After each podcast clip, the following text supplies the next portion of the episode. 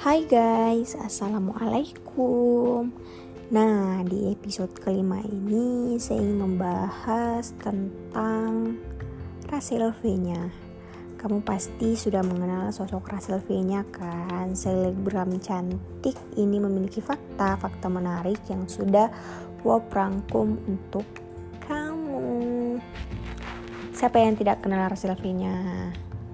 Selebgram cantik satu ini mulai dikenal sejak hubungannya dengan suaminya saat ini, Nico Al-Hakim atau yang biasa disebut Okin, rame di media sosial. Kepopuleran Russell V-nya semakin meningkat sejak kelahiran anak pertamanya, yaitu Sabiru, yang mencuri perhatian. Untuk kamu yang penasaran dengan sosok selebgram yang satu ini, saya sudah merangkum beberapa fakta tentang Russell V-nya.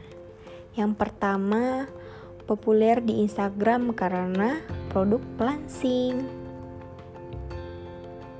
Awalnya Russell V-nya hanya mengonsumsi sendiri obat pelangsing racikan keluarganya. Tetapi lama-lama ia mulai memberanikan diri untuk menjualnya lewat Instagram. Tidak disangka obat pelangsing yang dinamai Slim Beauty produk by Russell V-nya menjadi hits bahkan hingga sekarang dan berhasil membuatnya terkenal. Yang kedua, seorang makeup artis. Russell V-nya dulu mempunyai karir sebagai seorang makeup artis. Penghasilan dari pekerjaan ini bahkan membawanya membuka sebuah salon kecil-kecilan namun saat ini Russell V-nya sudah tidak meneruskan pekerjaannya sebagai makeup artist. Fakta ketiga, pacaran 3 tahun dengan Okin. Sebelum menikah, Russell V-nya dan Okin lebih dulu berpacaran selama 3 tahun. Keduanya juga sering kali mengumbar kemesraan di media sosial.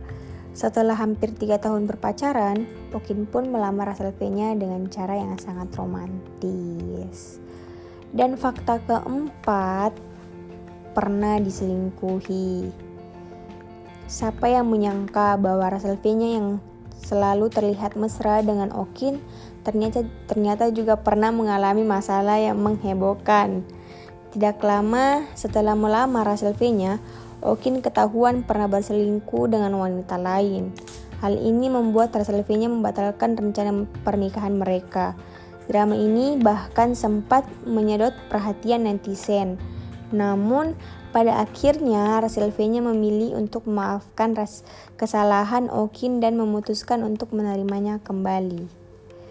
Mungkin di episode kali ini cukup sekian guys. Sampai jumpa di episode selanjutnya.